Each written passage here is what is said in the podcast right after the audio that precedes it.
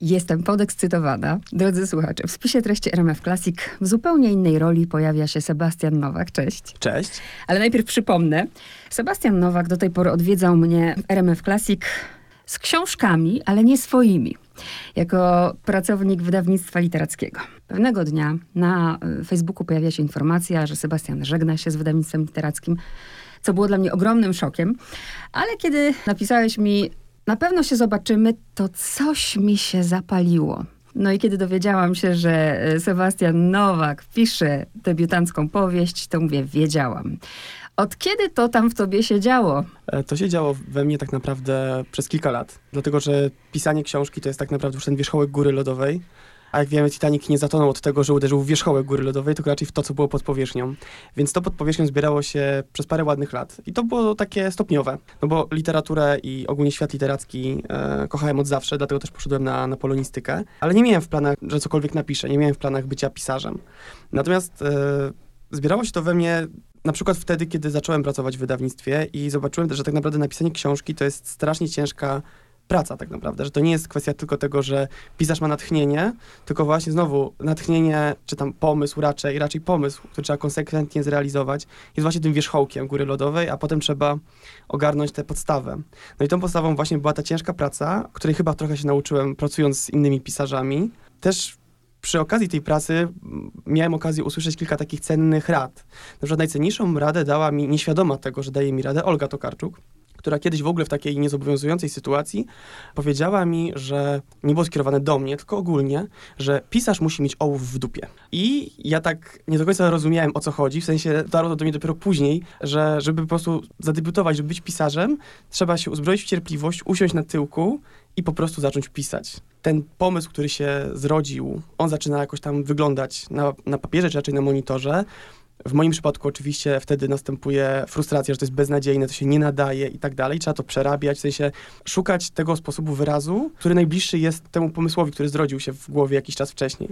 Więc, tak jak powiedziałem, no to zbierało się ładnych parę lat. O tej warstwie literackiej i o tym przygotowaniu do samego pisania już powiedziałem, ale tak naprawdę ta książka e, zbierała się też, raczej wyklarowała mi się kompletnie, kiedy zacząłem zbliżać się do trzydziestki. To jest taki czas, kiedy człowiek robi sobie bilans trzydziestolatka, zacząłem, zacząłem rozumieć, że e, mam trochę przemyśleń dotyczących e, naszego pokolenia, czyli pokolenia ludzi urodzonych e, na początku lat 90., którzy w ogóle nie pamiętają komunizmu w Polsce, ale jednak ten komunizm, czy raczej ta, ten rodzący się kapitalizm i wolność lat 90. była taka, no nie chcę powiedzieć formująca nas, ale raczej formująca w sposób, w jaki nasi rodzice nas wychowywali. No bo my nie pamiętamy naprawdę 95, 94, jakieś pierwsze wspomnienia to jest 96, 7 rok. Na pokolenie naszych rodziców, które właśnie wchodziło w dorosłość, zakładało rodziny na samym początku tego kapitalizmu i tych wszystkich marzeń, które kapitalizm ofiarował, to było dla nich moim zdaniem kształtujące, a jednocześnie oni to przerzucali, przerzucali na nas. E, I ostatecznie wiedziałem, że coś muszę z tym zrobić, w sensie, że na ten temat chciałbym coś powiedzieć. Nie wiedziałem wtedy jeszcze, że to będzie książka. Kiedy poznałem moją przyjaciółkę, która jest dziewczyną z Kazachstanu, w ogóle nie ma żadnych korzeni polskich, ona po prostu przyjechała tutaj na studia, nauczyła się języka, mieszka tutaj do dziś. Kiedy ta nasza przyjaźń na studiach zaczęła się budować, zaczynaliśmy rozmawiać o coraz poważniejszych rzeczach, jak to studenci, jak się wraca z imprezy, to się rozmawia o bardzo ważnych rzeczach.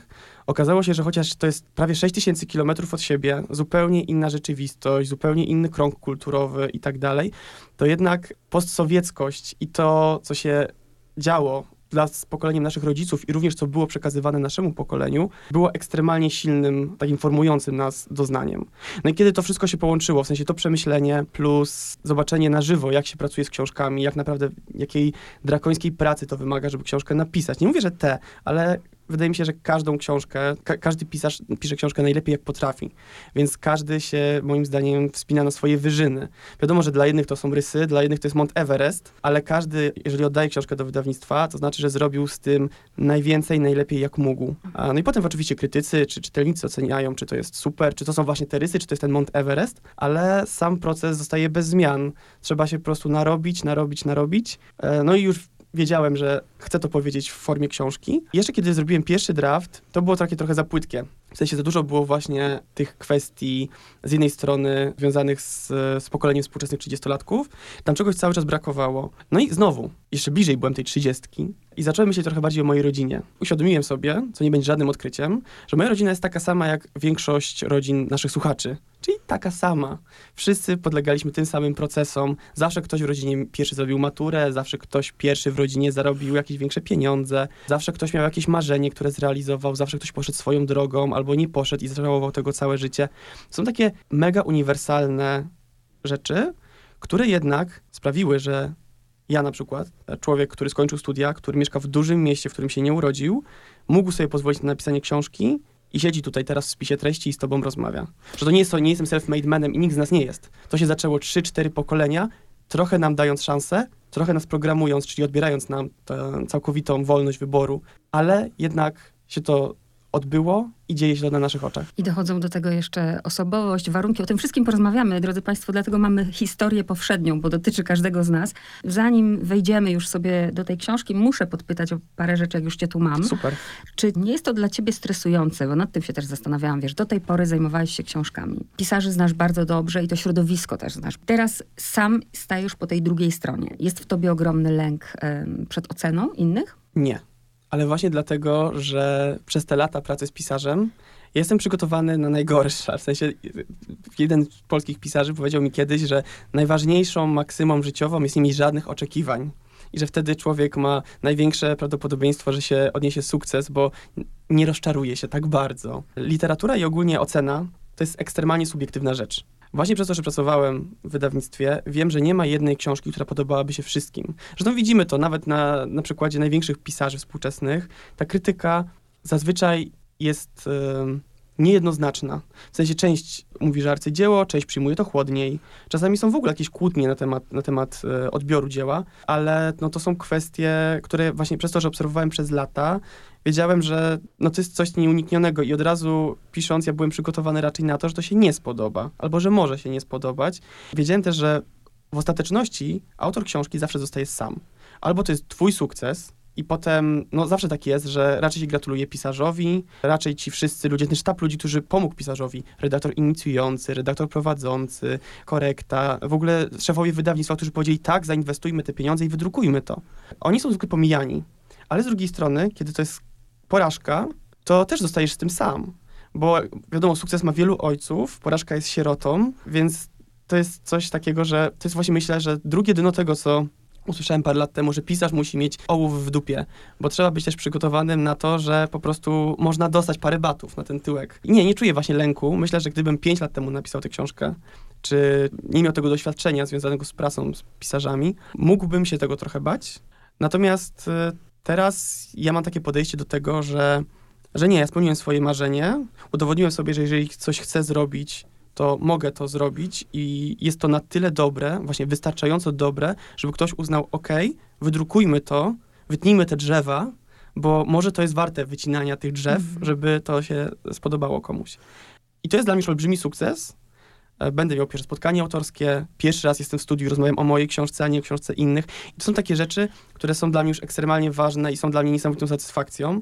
I to jeżeli na przykład ukażą się negatywne recenzje, to na pewno będę starał się wyciągnąć z nich coś konstruktywnego, zobaczyć, czy rzeczy, które moim zdaniem w tej książce są, faktycznie są zauważalne przez krytykę, czy one tylko mi się wydawało, że ja jej napisałem, mm-hmm. nieudolnie to zrobiłem. Mm-hmm. Bo też jest taka opcja, przecież mm-hmm. na tym to mhm. polega. Pisarz zawsze ma w głowie, że ta książka e, zawiera w sobie tak wiele, jest tak napakowana, że właśnie do granic możliwości. Ale oczywiście nie ma czegoś takiego jak czytelnik idealny, który siedzi w głowie pisarza. To nie istnieje. Więc zawsze musimy brać pod uwagę, jako my, jako ludzie piszący, już mogę tak powiedzieć, że, że na pewno nie wszystko to, co my chcieliśmy powiedzieć w książce udało nam się powiedzieć. No i tak jak mówię, ja nie pozwolę, żeby e, ewentualne nie pozwolę mm -hmm. sobie, żeby ewentualna krytyka odebrała mi te małe radości, które, które już są i za które jestem wdzięczny i losowi i trochę własnej wytrwałości. Bardzo ci gratuluję, bo ja się uśmiecham. Spełniłeś moje marzenie. Ja tak, bilans, ja sobie trzydziestka absolutnie nie, ale jak już przekroczyłam czterdziestkę, to właśnie to będzie ten moment taki, już 44 leci, nie mam odwagi, nie? I dlatego cię pytam, bo to jest, to, jest, to jest wow wielkie. Z wielkim zainteresowaniem przeczytałam tę książkę. Tak jak powiedziałeś, nie książka właściwie staje się już własnością e, czytelnika, czyli moją. Dokładnie. Pomyślę, jak o tym rozmawiać, żeby nie zabrać czytelnikowi przyjemności. Gdybym coś tam przekraczała, to oczywiście mnie hamuj, ale myślę, że to, o czym możemy porozmawiać, to możemy. Chcę wyjść od tytułu, bo też już pracując troszkę z książkami, wiem, czym się często autorzy y, kierują. I uwierz mi, że jak sobie wygooglałam, powszednia historia wyskakuje tylko Sebastian Nowak. Na ile wykorzystujesz już właśnie wiedzę pracy, y, wiedzę, którą zdobyłeś w, w, w pracy w wydawnictwie? I kiedy ten tytuł się pojawił? Na początku, na końcu? Bo wydaje się taki prosty, nie? Taki powszednia historia. To jest zasługa e, wydawcy mojego, wydawnictwa WAB, ponieważ tak naprawdę ten tytuł zrodził się w ostatniej chwili. W sensie książka już była przyjęta, wiadomo było, że ona zostanie wydana, ale tytuł był, e, tytuł bardzo się zmieniał. Również z tym, jak zmieniała się trochę ta książka, bo pierwszy draft, tak jak powiedziałem, był dużo moim zdaniem płytszy. Nie było tam e, tych wycieczek w przeszłość, był bardziej skupiony tu i teraz. E, I, I moim zdaniem wtedy nie udało się w tamtej wersji oddać, znaczy oddać, powiedzieć tego, co chciałem powiedzieć.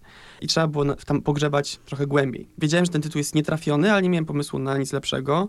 Potem tytuł się zmieniał, potem z moją e, nieocenioną, fantastyczną e, redaktorką prowadzącą e, Marią Tęgowską z WAB e, zastanawialiśmy się, jak to zrobić, jaki ten tytuł mógłby być. Ja zaproponowałem, ponieważ miałem takie zadanie domowe, żeby zaproponować kilka tytułów, e, zaproponowałem coś takiego, żeby właśnie pobawić się z konwencją takiego podręcznika, powszechna historia. No bo też jedna z bohaterek jest innej narodowości niż pozostali bohaterowie, mniejsza o to jakiej. Natomiast, e, żeby to właśnie było historia powszechna, czy powszechna historia, ale jak słowem powszechna, takim bardziej podręcznikowym. Wtedy książka została oddana w ręce redaktorki, która właśnie wymyśliła, że ten tytuł, tylko w brzmieniu wtedy pierwotnym, historia powszednia, ma rację, może się obronić właśnie dlatego, że pasuje do, tej, do tego tytułu. No i wtedy e, właśnie z wspomnianą już Marysią Tęgowską uznaliśmy, że dobra, to jeszcze zamieńmy szyk i że to faktycznie, żeby mózg człowieka nie czytał tego właśnie jako historię powszechną, bo zazwyczaj czytamy jednak tak już trochę na pamięć, tylko żeby właśnie to wybicie było na początku. Więc to jest, mój udział jest naprawdę niewielki tutaj. Moja redaktorka i redaktorka prowadząca tak naprawdę zrobiły całą robotę, za co bardzo, bardzo dziękuję. Dzięki za informację, bo, bo mnie zawsze to ciekawi. Bardzo mnie zaskoczyła konstrukcja i chcę zapytać o kompozycję. Mianowicie, często jak rozmawiam z pisarzami, to mówią, nie wiem dokąd mnie historia poprowadzi. Po prostu ona mnie prowadzi, ja nie wiem jak ona się skończy. Ja mam takie wrażenie i tylko powiedz mi, czy słuszne, że ty musiałeś od początku do końca wiedzieć, dokąd ta historia cię doprowadzi, a później rozsypałeś te puzzle, bo konstrukcja jest nietypowa. Rozrzucasz mi te historie, które, i muszę być uważnym czytelnikiem bardzo, bo, bo, to jednak jest istotne w tym momencie, żeby patrzeć, jak mi ten, wiesz, ten wpada w odpowiednie miejsce i się łączy. Czy ta kompozycja dla ciebie była tu rzeczą nadrzędną, czy historia? Czy, czy właśnie chciałeś to opakować w coś ciekawego? Nie, kompozycja była dla mnie najważniejsza, dlatego, że ja ogólnie bardzo lubię, lubię jak powieści mają przemyślaną kompozycję. W sensie, żyjemy w XXI wieku, od czasu powieści realistycznej, której, której akcja przebiegała od punktu A do punktu Z. No minęło parę lat ładnych. I mówiąc wprost, wydaje mi się, że najciekawsze są te powieści, które oferują jeszcze coś na, na bazie konstrukcji. Zresztą jedna z moich ulubionych powieści też ma właśnie tą klamrę kompozycyjną, która jakoś tak sprawiła, że poczułem jako czytelnik bardzo dużą satysfakcję, kiedy tę powieść właśnie czytałem po raz pierwszy. I ogólnie lubię, kiedy coś takiego jest zaoferowane czytelnikowi, więc myślę, że to właśnie moje czytelnicze preferencje sprawiły, że jako autor postanowiłem właśnie tą klawrą to zamknąć, ale nie tylko, bo to byłoby trochę egoistyczne i trochę takie, e, że napiszę sobie tak, bo tak lubię. Mhm. Nie, nie, nie, to chodzi też o coś innego. Mianowicie, już mówiliśmy o tej powszedniości i o tym, że te historie, przynajmniej pokoleń poprzednich, nie są niczym ekstremalnie wyjątkowym, to ponieważ ta historia tak naprawdę, zależało mi od, na tym, żeby cała ta historia była na tyle uniwersalna, żeby ludzie, zwłaszcza z mojego pokolenia, którzy to czytają, pomyśleli sobie, a to trochę jak z Kaśką, albo a to trochę jak z Tomkiem, albo trochę, żeby w tych bohaterach można było trochę odnaleźć jakichś tam tropów z własnych doświadczeń, z własnego podwórka. No ale żeby to też nie było takie, żeby dać czytelnikowi, pójść takie oczko do czytelnika, to nie chodzi tylko o to, no bo to wtedy byłoby strasznie jałowe. No bo tam się nic ekstremalnego również nie wydarza. Mm-hmm. Chociaż na końcu się całują. Ale właśnie przez to, żeby pokazać, że to nie chodzi o, nie chodzi o tą akcję. Chodzi raczej o fabułę i odpowiedzenie na to, bo o tym jest dokładnie ta książka. Nie gdzie ci bohaterowie są, tylko jak się znaleźli w tym miejscu, w którym ich poznajemy i w którym ich zostawiamy. Mhm. To jest to, o, o, co mi, o, o co mi chodziło i to jest właśnie to takie chciałbym powiedzieć studium, ale to jest zbyt wielkie słowo, po prostu o co chodziło, żeby żeby to pokazać, tę perspektywę. Mhm. Że wszyscy widzimy to, co się dzieje na zewnątrz, wszyscy widzimy mm, ludzi wokół siebie, ale rzadko zada zadajemy sobie pytanie, e, co się stało, albo jaką cenę musieli zapłacić za to, Mhm. żeby być w tym miejscu. Ja sobie właśnie wypisałam w swojej głowie takie trzy cechy tej książki. To jest właśnie konstrukcja, dla mnie bardzo ważna. To jest symbol, ale do tego dojdę. I to jest właśnie to, że każdy się może przejrzeć, chociaż może nie każdy. Bo mnie było trudno się przejrzeć w tej książce, dlatego że nie umiem się wpasować w sumie w żadne pokolenie, bo według, um, zaraz powiemy właśnie o bohaterach, jestem no kilkanaście lat starsza od bohaterów, ale też młodsza od na przykład matki Jany, nie? Więc y, mojego pokolenia tu nie ma, ale mimo wszystko czytałam to z wielkim zainteresowaniem i niektóre rzeczy też faktycznie mogę, y, mogę odnieść. No ale dobra, przechodzimy do konkretów. Bardzo pokrótce, jeśli możesz, przedstaw y, głównych bohaterów twojej książki. Jest to tak, że to jest ona, on i przyjaciel gay, czyli właśnie coś, co dobrze znamy z popkultury i tak o to też chodziło, żeby właśnie tak to, tak to wyglądało. E, Ludwik, czyli jeden z bohaterów, jest zaczynającym karierę akademicką mężczyzną, byłym chłopakiem, czy tam byłym partnerem drugiej bohaterki, czyli Jany. Jana jest emigrantką i jest dekoratorką wnętrz, doskonale odnajdującą się we współczesnej rzeczywistości. No i jest trzeci bohater, który ma na imię Krzysiek. E, Krzysiek jest gejem, który radzi sobie w rzeczywistości Europy postkomunistycznej, chociaż no, jest świadomy e, swojej pozycji społecznej, która nie jest może naj, ciesząca się najwyższym e, uznaniem. E, natomiast e, nie, jest, nie jest to dla niego jakiś powód udręki czy, czy nieszczęścia. Powiedziałbym, że jest po prostu wyemancypowanym gejem. E, Natomiast pozostali bohaterowie, czyli, e, czyli wspomniani już Ludwik i, i Jana, to bohaterowie, którzy no chyba najmocniej, mocniej na pewno niż Krzysiek, zostali uformowani przez e, właśnie te 3-4 pokolenia wstecz, chociaż oczywiście nie zdawali sobie i chyba nadal nie zdają sobie z tego sprawy. Nie będziemy opowiadać fabuły, a absolutnie, to, to sobie zostawiamy. Ja wybrałam sobie takie wątki, które, y, bo ich jest bardzo dużo. Mówisz o tym formowaniu. Matka Jany gdzieś, gdzieś końcówka lat 60. jest urodzona, prawda? Tak by Mm. wychodziło. Znaczy, w tej książce nie wiemy nawet, który mamy rok. No tak. No nie wiemy, właśnie o to chodzi, nie? No. że nie wiemy, nie wiemy też, to nie jest zdradzanie fabuły, ale może niektórych z Państwa to zachęci, że nie wiemy też, gdzie to się dzieje. Mhm. Wiemy, że to jest postkomunistyczna Europa i duże miasto w postkomunistycznej Europie. Natomiast e, Ale biorąc pod uwagę, że matka Jany chciała jej dać to, czego sama nie miała, to wiesz, od razu przyszły mi czasy do głowy, nie? Że, że ja, ja, bym powiedział, że to jest przełom lat 60. i 70., Mhm. skoro urodziła Janę na początku lat 90., Mhm. miała wtedy 21 lat. w 86 zaznaczasz, wiemy kiedy to się dzieje, bo zaznaczasz, że w 86 się całuje. No, nie tylko. Nie tylko. jest na koncercie rockowym I to za granicą. za granicą. Tak. Tak, i jest wtedy nastolatką, więc tak, Mhm. myślę, że to jest właśnie przełom lat 70., druga połowa przełom lat 60. i 70. I dla mnie na przykład właśnie to moje pokolenie ciągle słyszało, mówię o sobie, nie o, w sumie nie moim pokoleniu, ja ciągle słyszałam, że nie ma pieniędzy. że Ja nie miałam absolutnie takich możliwości, jakie miała Jana. Pamiętam, że wtedy, kiedy ja byłam czternastolatką, bym bardzo jej zazdrościła. Bo matka chciała dać jej wszystko, chciała po prostu spowodować, słuchaj, to ty dostaniesz to, czego ja nie miałam. Więc mamy dziecko takie typowe dzisiaj, nie? że kółko takie, owakie, języki, wszystko.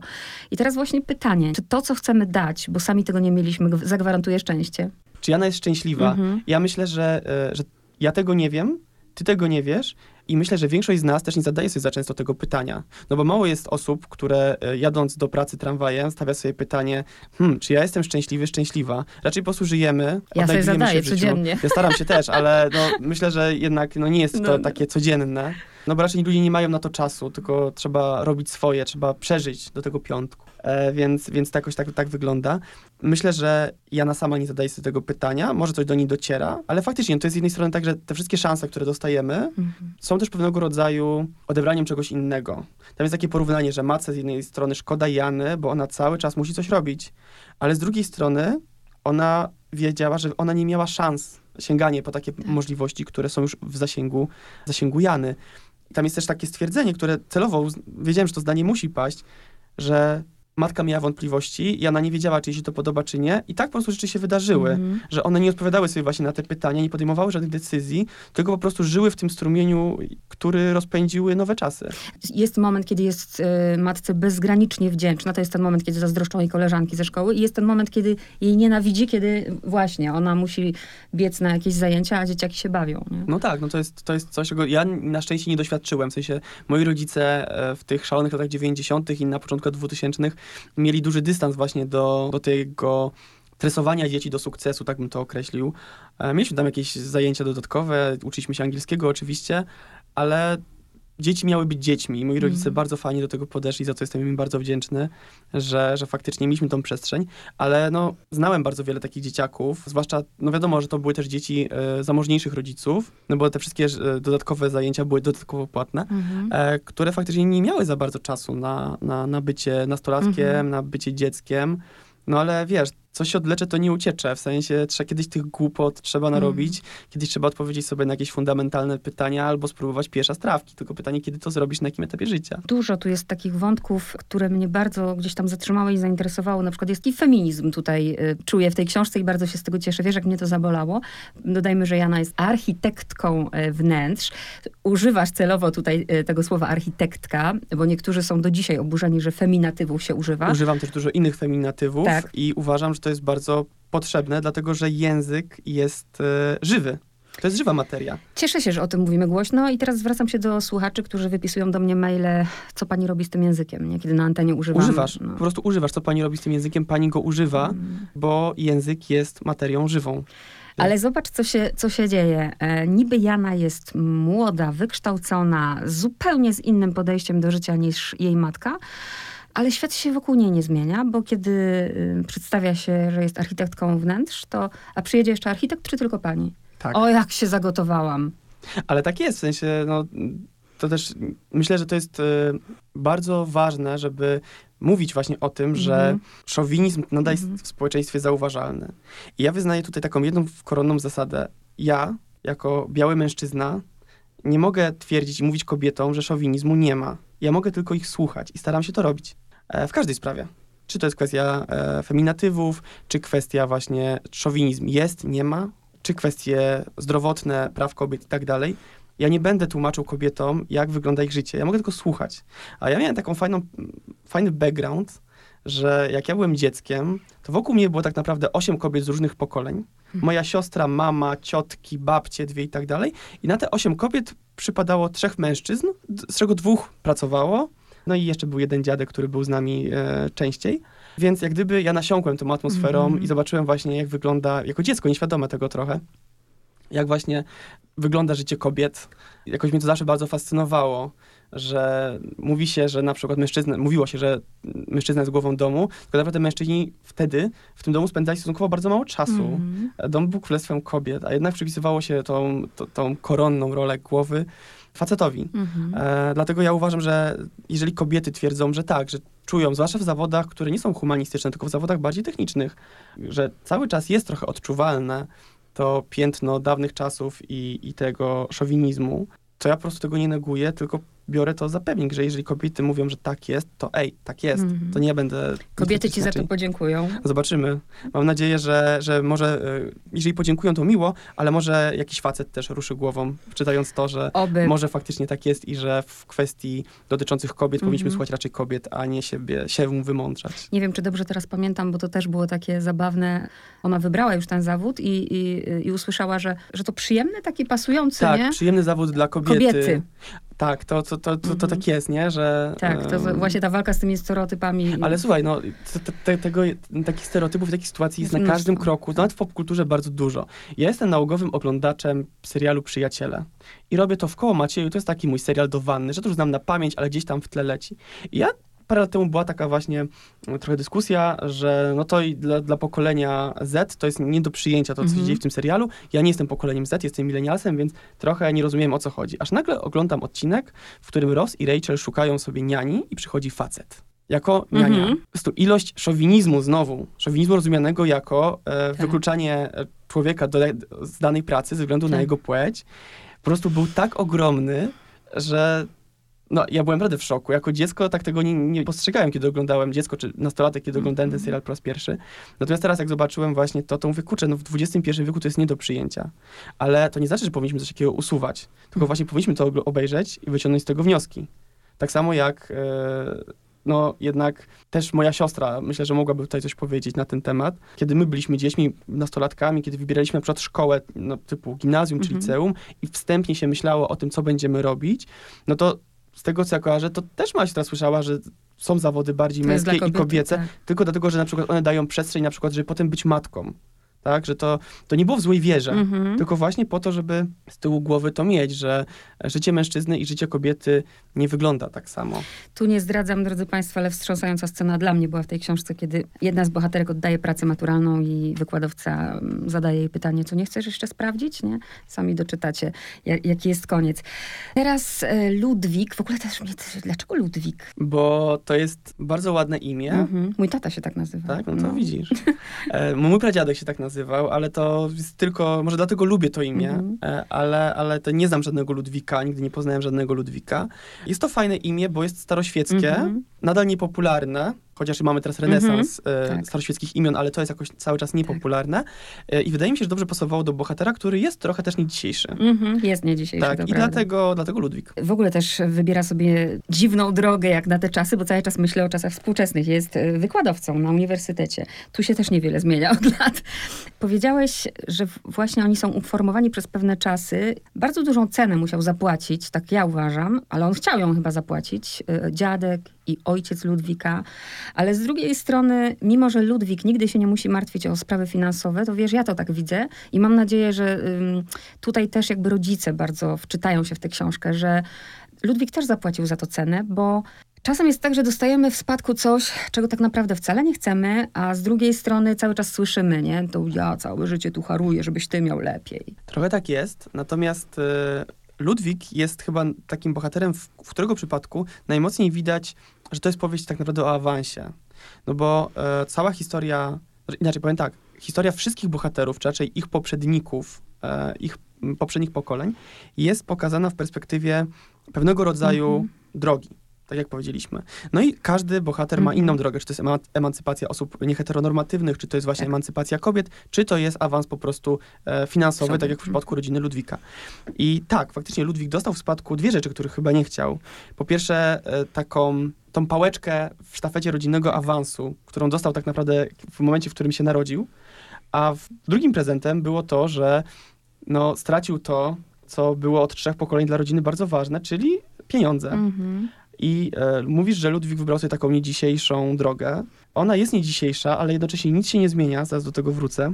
Dlatego, że jeżeli masz zaformowane, że masz, jesteś zaprogramowany Mhm. do awansu, do podnoszenia rangi rodziny e, i okazuje się na przykład, że tych pieniędzy nie ma. Nie jesteś finansistą, nie jesteś e, programistą, nie masz jakichś tendencji do zrobienia wielkich pieniędzy albo drogą właśnie techniczną, albo drogą po prostu biznesową, To to zostaje ci jeszcze jedna droga awansu, czyli awans przez edukację, Tak. przez podniesienie rangi rodziny w ten sposób, Przez tytuł. przez Mhm. tytuł. E, ja sam też na drugim roku studiów chyba wydawało mi się, że to byłoby naprawdę coś niesamowicie super, gdybym poszedł w karierę naukową. Cieszę się, że tego nie zrobiłem, bo byłbym już teraz kompletnie pewnie wypalony i cieszę się, że mm, wybrałem inną drogę. Natomiast e, w momencie, w którym jesteś humanistą Mhm. i ja jestem po polonistyce i przez półtora roku na studiach y, słyszysz w dobrej wierze, w autentycznie dobrej wierze, no że roboty to się potem nie spodziewajcie i Pieniędzy kasy też za bardzo nie, tylko raczej kombinujcie, co by tu zrobić, no bo te rachunki, słuchajcie, trzeba opłacić.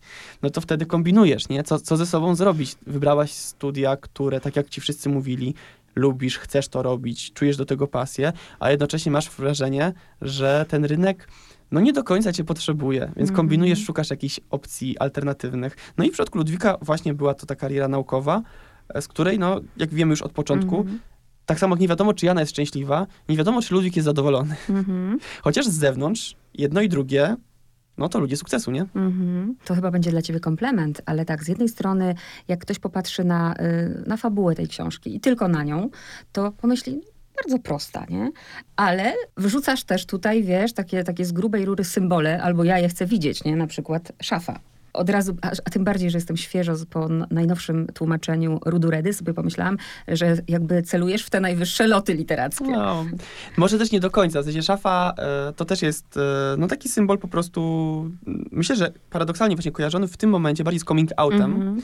ale szafa nie jest własnością jedynego, jedynego Znaczy ona może tu pełnić różne... Może pełnić Mhm. różne, różne funkcje, różne role, natomiast no, na taką nadrzędną rolą to jest tak balast po Mhm, prostu. mhm. Z jednej strony pamiątka, Tak. e, pewnie coś wartościowego, ale z drugiej strony coś ograniczającego, coś, co z czym albo trzeba się rozstać, albo trzeba to po prostu e, pokochać, Mhm. ale coś trzeba z tym zrobić. Poza tym szafa jest też olbrzymia. Gdyby to był, nie wiem, pióro, długopis, Mhm. okulary, fajka, cokolwiek, to nie miałoby tej mocy symbolicznej z tego względu, że jest to coś małego, co można przeoczyć, ale jak masz tam, nie wiem, nie pamiętam już ile ta szafa ma drzwi, trzy czy czterodrzwiową szafę wielkości stodoły w chałupie, no to nie możesz jej nie zauważyć. Mhm. Też Jana zwłaszcza w takim incydencie, Tak. kiedy ze sobą mieszkają, trochę się wkurza na tę szafę, no bo jej zagraca, ale to, to jest właśnie taki, faktycznie jest to symbol, Mhm. mm, niewyszukany, ale myślę, że dosadny. Ale można się nim bawić, tak samo jak można, dlatego dla mnie to jest bardzo ciekawe, co zrobiłeś, to podkreślam raz jeszcze zanim o Krzyśku, że właśnie na ile to było celowe, nie no musiało być, bo to, to nie ma takiej możliwości, że u ciebie tak, z jednej strony właśnie powszednia historia, czyli ona się powtarza, dotyczy każdego, tak jak powiedziałeś, e, nawet niezależnie od miejsc, w których mieszkamy. Dwa, kompozycyjnie kończysz tymi samymi frazami, my je później spotykamy dalej, e, więc jest znowu ta powtarzalność. Jest ta powtarzalność właśnie symbolu, że, że to jakby y, przez wszędzie odnajdujemy, nie? To się tak, ta historia zatacza takie koło. Ale i tak moją ulubioną postacią jest Krzysiek. Nawet sobie zaznaczyłam fragment, zaraz powiesz Krzyśku parę zdań. To typ faceta, który udając lekki stosunek do świata, nieustannie mocuje się z rzeczywistością. Pracuje dużo, żeby zarabiać dużo, żeby trochę odkładać, ale większość wydawać, najlepiej na to, czego do grobu nie zabierze, ale też po sobie nie zostawi. Wiesz co, zazdroszczę trochę Krzyśkowi. Opowiedz o nim, skąd on się urwał. E, Skąd urwał się Krzysiek? Krzysiek urwał się z tego, że też ja mam bardzo dużo szczęścia w życiu, że urodziłem się w 91 roku. Krzysiek, tak jak powiedziałem, jest wyemancypowany gej. W związku z czym e, wiadomo, że w każdym kraju na świecie, nawet w Stanach Zjednoczonych, które są dla nas z naszego podwórka pokazywane czy widziane jako taka ostoja wolności, no są inne miasta niż San Francisco, Nowy Jork czy LA i tam problem homofobii jest bardzo duży cały czas, tak samo jak problem rasizmu w Stanach jest olbrzymi. Więc on jest wyemancypowany, natomiast nie jest całkowicie wolny, on nie żyje w jakiejś takiej bańce. Może przez chwilę w niej żył, no ale bańka pękła. E, I sytuacja wygląda tak, że on się wziął właściwie z tych obserwacji, że w dużym mieście współczesnym, w postkomunistycznej Europie można być szczęśliwym, niedoświadczającym na co dzień homofobii człowiekiem i żyć otwarcie, ale to nie jest, nie jest to związane z beztroską cały czas. Mhm. I Krzysiek wziął się z, z jednej strony właśnie z tego, że no, ja takich ludzi spotykam, znam, sam się też za taką osobę uprzywilejowaną uważam, że mogę być sobą i żyć normalnie i to jest okej. Więc to jest z jednej strony to. A z drugiej strony wziął się też z tego, że bardzo często to też znowu taka potrzeba awansu, czy wkupienia się w łaski społeczeństwa, która e, podświadomie wielu e, osobom towarzyszy, że odniesienie sukcesu rozumianego w taki sposób, w jaki społeczeństwo je rozumie, czyli na przykład e, fajna kariera, ładne mieszkanie, bycie przykładnym obywatelem tak zwanym, jeszcze tą taką przynależność, do społecz- przynależność społeczną i przynależność tu i teraz do tego miejsca, bez względu na orientację seksualną, jest faktem. Mhm. I że to po prostu jest taka przepustka do, do tego heteronormatywnego, powiedziałbym, Mhm. świata, do którego tak naprawdę większość osób nie chce aspirować. Po prostu dajcie być sobą, to będzie okej. Mhm. Natomiast jest to jakiś taki plan B, a przynajmniej dla pokolenia właśnie tego urodzonego jeszcze na takich filmach czy serialach. Teraz się mówi, że mm, milenialsi e, idą na terapię, bo Mhm. obejrzeli Hardstopera na Netflixie. Myślą, jak zupełnie inaczej ich życie mogłoby się potoczyć, gdyby wychowywali się w czasach, kiedy można było być nastolatkiem na takich warunkach, albo kiedy można było obejrzeć takie, takie filmy. Wiesz, jak ja byłem e, nastolatkiem, ogólnie w popkulturze, zwłaszcza polskiej, geje byli przedstawiani albo w, jako negatywne postaci. Jest taki film Klub Samobójców Mhm. z boską Magdaleną Cielecką między Tak. innymi i tam gejem jest Jan Frycz. Jest to super rola, no ale co się dzieje z tym gejem? On w ostatniej scenie płonie. Po prostu płonie, popełnia samobójstwo przez podpalenie swojego Mhm. domu. Albo są takie filmy, w których e, to są postaci niesamowicie groteskowe. I to sobie oglądasz. I z jednej strony, o fajnie, jest e, Mhm. nieheteronormatywność na ekranie, Mhm. spoko, a z drugiej strony widzisz, że to nie prowadzi do niczego dobrego. Że jest nawet, e, nawet ostatnio, jest taki film polski, Kamerdyner, gdzie jest bohater, który jest nieheteronormatywny i jest to tak cholernie homofobiczny film, że ja nie wierzyłem w to, co widzę, ponieważ wszystkie negatywne postaci, e, Mhm. negatywne cechy, łącznie z przynależnością do SS, są skupione tylko na tym nieheteronormatywnym bohaterze. Te negatywne cechy nie są w ogóle podzielone poprzez bohaterów. Tam po prostu wszystko, co jest złe, co mogło być najgorsze, jest właśnie reprezentowane przez tego nieheteronormatywnego bohatera. Mhm. Paradoksalnie, skoro ludzie się jakoś tak wybitnie tym chyba nie oburzali, e, przynajmniej nie dotarły do mnie takie głosy, Mhm. to nie jest to e, uświadamiane. Dlatego ja właśnie też chciałem koniecznie, żeby mój bohater nie doświadczył, nie był ofiarą. Mhm. On nie jest ofiarą. Absolutnie nie i nawet koniec na to wskazuje. Nie? Dokładnie. On ma świadomość tego, jak jest, ale nie, nie, tutaj właśnie... Zero ofiary. Tak, ale też y, no, dużo zrobiłeś dla środowiska. W ogóle wybuchnęłam śmiechem, jak e, to mogę zdradzić, tutaj niczego nie ten. Jak jedni na drzwiach mają KMB, a drudzy LGBT, nie? To było po Ale to prostu oddaje świetne. właśnie, nie? wiesz co, to z kolei pomysł, który przyszedł mi e, do głowy e, po tym zatrzymaniu Margo Mhm. i po tych e, protestach w Mhm. całej Polsce, e, to mi świadomiło tak naprawdę, że świat jest zły. I ja pamiętam, że faktycznie za, e, to była, wiesz, to też była taka karuzela dezinformacji, Mhm. ludzie się nakręcali i tak dalej, ale autentycznie dzień po zatrzymaniu Margo, kiedy szedłem na proces w Krakowie, miałem markerem napisaną na ręce telefon Mhm. kontaktowy, na wypadek, gdyby były takie bezsensowne zatrzymania, Mhm. jakie były w Warszawie.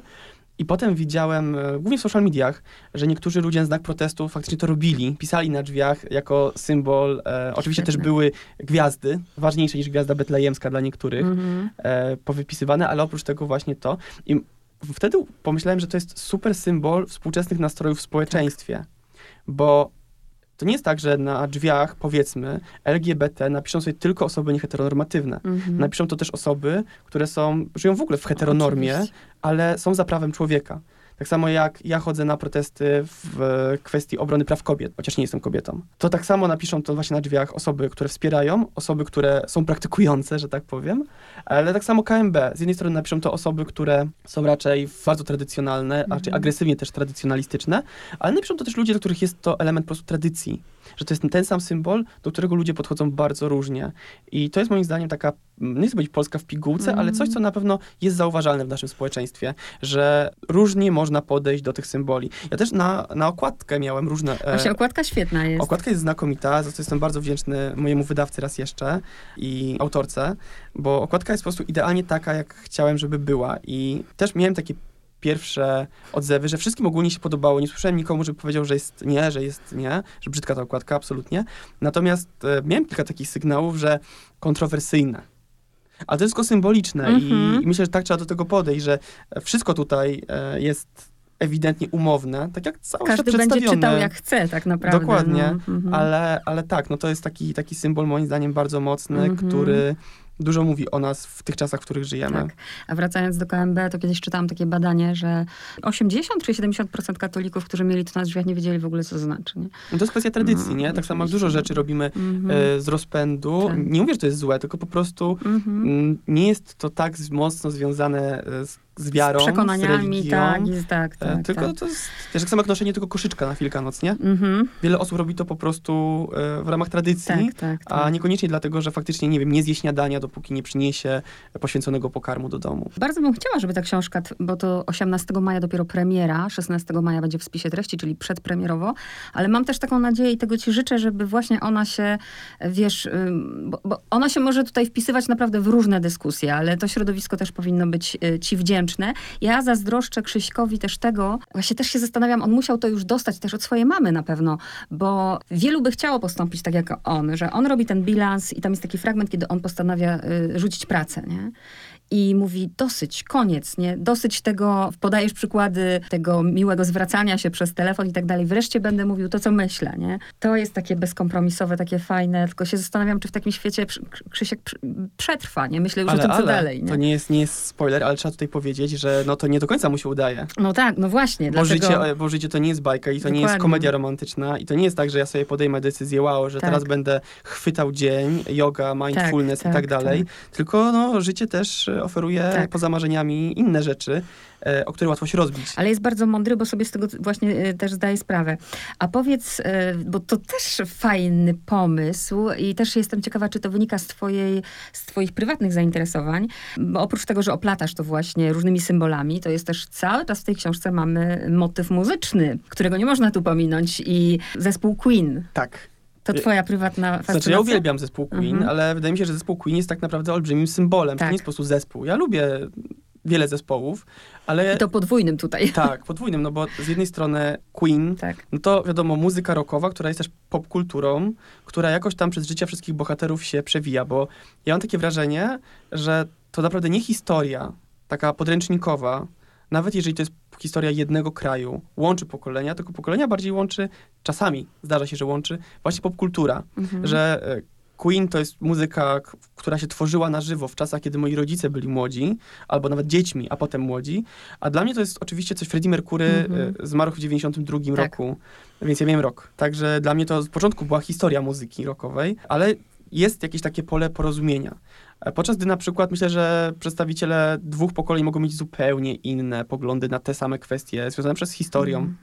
historią mm, kraju. O tyle popkultura jest mniej drażliwa, ale jednocześnie też łatwiej po prostu się porozumieć na, tej Mhm. na tej płaszczyźnie. Dla całej tej książki popkultura jest dość istotna. Tak. To jest jedna rzecz.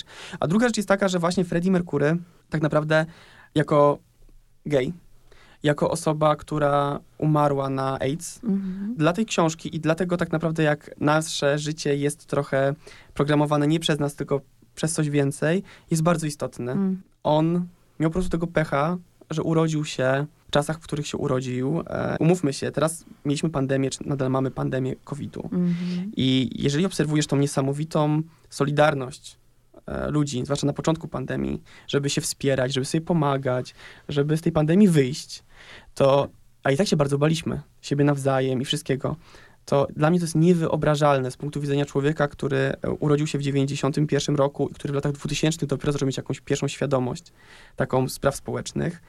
Co to musiało znaczyć dla osób nieheteronormatywnych, epidemia AIDS w latach 80., Tak. kiedy choroba, brak leku, wysoka śmiertelność to jedno, ale naznaczenie społeczne, wykluczenie przez rodziny i tak dalej to drugie. To jest właśnie, mi to, to uświadomiła ta pandemia, chociaż ten wątek już był wtedy wymyślony, Mhm. to było już napisane, ale sobie uświadomiłem, Boże, jak to jest, jakie to jest uprzywilejowanie, Mhm. że w tej sytuacji ludzie są razem i co musieli czuć e, ludzie dotknięci tą Mhm. epidemią w latach 80. Zresztą pewne podejrzenia e, i strach towarzyszy właśnie nie bohaterom e, nieheteronormatywnym, tylko Tak, e, bohaterce Ale heteroseksualnej. nie zdradzamy, nie, zdradzamy. zabieramy oczywiście. E, Też odwołujesz się do wydarzeń, których nie możesz pamiętać, na pewno też o nich tylko czytałeś, nadając e, imię pieskowi, ale też nie zdradzajmy, bo tutaj nie, niech sobie doczytają e, słuchacze. Sebastian zaczyna książkę takim bardzo zabawnym ponieważ jest to powieść o kilku, miejmy nadzieję, ważnych sprawach, bardzo ważnych sprawach, już kilka z nich poruszyliśmy. I wszystkich nie, nie, oczywiście nie opowiemy. Autor pragnie zapewnić czytelników, że na końcu się całują. Sama sobie zadawałam pytanie, jaka emocja mi częściej towarzyszy? Czy jest to ironia, której jest bardzo dużo w tej książce, czy jest to smutek? I wiesz, że nie wiem? No, jak ja robiłem bilans 30-latka, to też nie wiedziałem. I myślę, że często jest... Zresztą, wiesz co, myślę, że bardzo dużo ludzi, przynajmniej z mojego pokolenia, bardzo dużo ludzi funkcjonuje normalnie właśnie dlatego, że ono, oni też to, to dokładnie tak żyją, dokładnie tak robią, że trochę ironii, Mhm. no bo trzeba mieć jednak jakiś taki zdrowy ogląd sytuacji, że wiesz, no to, że nie zasypiasz albo nie możesz żyć bez środków nasennych, bo Mhm. jesteś tak zaorany pracą w korpo, e, no nie jest zbawianiem świata i że to nie jest najważniejsze. Więc masz do tego jakieś takie podejście, że no okej, no robię jakieś rzeczy, bo po prostu no muszę zarabiać pieniądze i robię to akurat w taki sposób. No jest to takie trochę tragikomiczne, więc okrasza to właśnie trochę nutką ironii, Mhm. e, trochę czarnym humorem. Stara się z tego śmiać, ale jednocześnie nie tracić e, te, tego... Ale pytanie, czy ta ironia i ten czarny humor staje się w tym momencie obroną? No pewnie, że tak. Mhm. Tak, to jest po prostu, to jest taki mechanizm obronny, Mhm. żeby, żeby po prostu nie bać się pewnych rzeczy. Albo przynajmniej móc z nimi funkcjonować, o. A teraz pytam już nie jako bohatera, tylko jako, jako autora. Czy zastosowałeś to też jako mechanizm obronny? Bo nie wiem, może, może to jest złe wrażenie, ale ja mam, ja mam takie, ponieważ chcę to widzieć, e, bo, ponieważ chyba patrzę to właśnie, że ja, że ja tak chcę żyć, że ta książka to nie jest taka, wiesz, taki, a zobaczymy, Sebastian e, Nowak napisał sobie debiutancką książkę, zobaczymy co dalej. Tylko mam wrażenie, że to jest trochę taka misja, że dużo chciałeś tą książką powiedzieć i dużo sprowokować. Misja to jest olbrzymie słowo Mm. i na pewno bym tego tak nie, nie ujął. Mhm. Natomiast ja mam inne podejście, wiesz, to jest na tylko, ja nie tylko napisałem książkę, że chciałem sobie napisać książkę i nie dlatego, że y, wymyśliłem tą fabułę, Mhm. tą akcję, dlatego, że książka musi mieć fabułę i akcję, Mhm. tylko raczej dlatego, że ja chciałem coś powiedzieć, wiedziałem, co chcę powiedzieć i zacząłem tak dobierać bohaterów, Mhm. tak konstruować im życiorysy, żeby można było właśnie to powiedzieć. No i to, to czego? Pozostaje ci życzyć tego, żeby... Ale nie, powiedziałeś, że jesteś na to przygotowany, że każdy może odczytać to nie tak, jak ty miałeś w zamiarze to powiedzieć. Ja to no. widzę już teraz w sensie, że y, Właśnie o to chciałam zapytać, jaki masz odbiór. odbiór mam taki, że Dużo osób y, mówi w formie bardzo dużego komplementu dla mnie, że szkoda, że nie trwało to jeszcze trochę dłużej, że chętnie by się jeszcze trochę poczytało, ale to nie mogło trwać dłużej, bo byłoby po prostu Mhm. męczące, więc ja wiedziałem, że to musi być krótkie. Dałem sobie zresztą, jak pisałem, to zaczynałem to pisać, dałem sobie taki limit, że no nie no, w maszynopisie to nie może mieć więcej niż 120 stron, bo po prostu raz, że nikt nie chce czytać długich Mhm. debiutów, a dwa, że no po prostu, żeby ta forma się obroniła, to to musi być skondensowane, bo inaczej to, to, to po prostu nie przetrwa utrzymać ten reżim. To jest z jednej strony, a z drugiej strony widzę, że no właśnie pokolenie roczników 90. czyta to z większym entuzjazmem niż pokolenie trochę starsze. Mhm. Mam więcej oczywiście feedbacku od tych moich powiedzmy rówieśników, czy ludzi trochę młodszych, co super, bardzo mnie to cieszy. E, Natomiast e, no, ja jestem przygotowany na to, że właśnie też przez lata pracy w wydawnictwie literatura jest rzeczą ekstremalnie subiektywną. I jestem przekonany, że nie ma mm, na przykład czytelnika, który powie, że wszystkie książki swojego ulubionego pisarza lubi tak bardzo. Tak Mhm, samo. Oczywiście, że mhm, nie. Są mhm. książki, które bardziej nam Oczywiście. się podobają, drugie podobają się mniej. Więc e, ja mogę tylko mieć taką nadzieję, że każdy, kto to będzie czytał, podejdzie do moich bohaterów z taką empatią, e, z jakich ja do nich podchodziłem, bo to też było w kilku jakichś tam mm, pierwszych głosach, że to nie jest na zasadzie takiej, że ci bohaterowie są jednoznacznie fajni, Mhm. ale że no, Nowak ich nie disuje, tylko raczej podchodzi do nich z dużą empatią i z takim zrozumieniem e, Nowak jako autor. I chciałbym, żeby czytelnicy też spróbowali po prostu do nich tak podejść, bo myślę, że ponieważ tacy ludzie, jestem przekonany, istnieją, A to poprzez to, zasługują. do innych ludzi wokół. Nie? No tak, właśnie o to chodzi, nie? Właśnie to chodzi. Wiesz, to jest na takiej zasadzie, że ja napisałem książkę Mm. i wszyscy mówią, że wow, fajnie napisać książkę, ale no, to nie jest tak, że książka się e, pisze łatwo, szybko i przyjemnie e, i nie masz e, jakichś dołków Mhm. No albo wątpliwości w swoje możliwości, bo, bo tak nie jest. To jest e, tak naprawdę bardzo fajna przygoda, ale też bardzo ciężka. Zakładam, że będzie druga książka napisana, Mhm. ale wiem jedno, że nigdy w życiu nie chciałbym już napisać znowu debiutanckiej powieści, bo też się dużo nauczyłem w ogóle na, na samym procesie, pisząc tę książkę. I to już posiadając do kolejnej będę bogatszy o te Mhm. doświadczenia, też wiem, jak wygląda proces wydawniczy, wiem, czego się spodziewać i tak dalej, i tak dalej, i tak dalej. Siadając, nie do końca zdawałem sobie z tego wszystkiego sprawę. Więc jeżeli piekło istnieje i będę niegrzeczny, to będę miał za zadanie napisać debiutancką powieść raz jeszcze. Zresztą w dedykacji tu mamy, że, że, y, prawda, za podziękowania za przetrwanie przy pisaniu tej książki. No to kończąc powolutku, a zresztą już mi odpowiedziałeś na to pytanie, y, że będzie kolejna książka, a tak wścibsko pytam, nie da się pogodzić, czy nie chciałeś godzić pracy w wydawnictwie z byciem pisarzem? Przez chwilę chciałem, przez chwilę chciałem to godzić, ale potem niezależnie podjąłem decyzję taką, że jakaś konwencja się wyczerpała. Mhm. Ja spędziłem w wydawnictwie 9 wspaniałych lat i to są po prostu niezapomniana szkoła życia, ale też ja poszedłem do pracy w wydawnictwie nie dlatego, że przypadkowo po prostu Mhm. tak się stało, tylko ja wiedziałem, poszedłem na studia, bo chciałem pracować w wydawnictwie. Więc jak gdyby to była taka moja, moja droga, którą jako tam nastolatek e, sobie obrałem, że, że chciałbym. Miałem 18 lat, jak podjąłem taką decyzję, że chciałbym pójść na edytorstwo i pracować w wydawnictwie. E, no i to się udało. Natomiast e, myślę, że ciężko, s- że tak powiem górnolotnie, ciężko służyć dwóm panom. Mhm. E, I oczywiście w tym momencie, kiedy ja siedzę tutaj u ciebie i rozmawiamy sobie o mojej książce, ja uważam, że moja książka przez te kilka dni jest absolutnie najważniejszą książką na świecie. Nie ma drugiej książki równie ważnej, przynajmniej dla mnie na świecie. Gdybym miał się w tym samym czasie zajmować inną książką, jakiegoś innego autora, myślę, że byłoby to ciężkie. E, I myślę, że przy całym profesjonalizmie mógłbym na przykład być trochę sfrustrowany, że poświęcam czas na pracę dla kogoś innego, podczas gdy dla mnie to jest takie ważne, bo e, tylko raz się debiutuje. Mhm. Myślę, że są ludzie, którzy znakomicie sobie z tym radzą.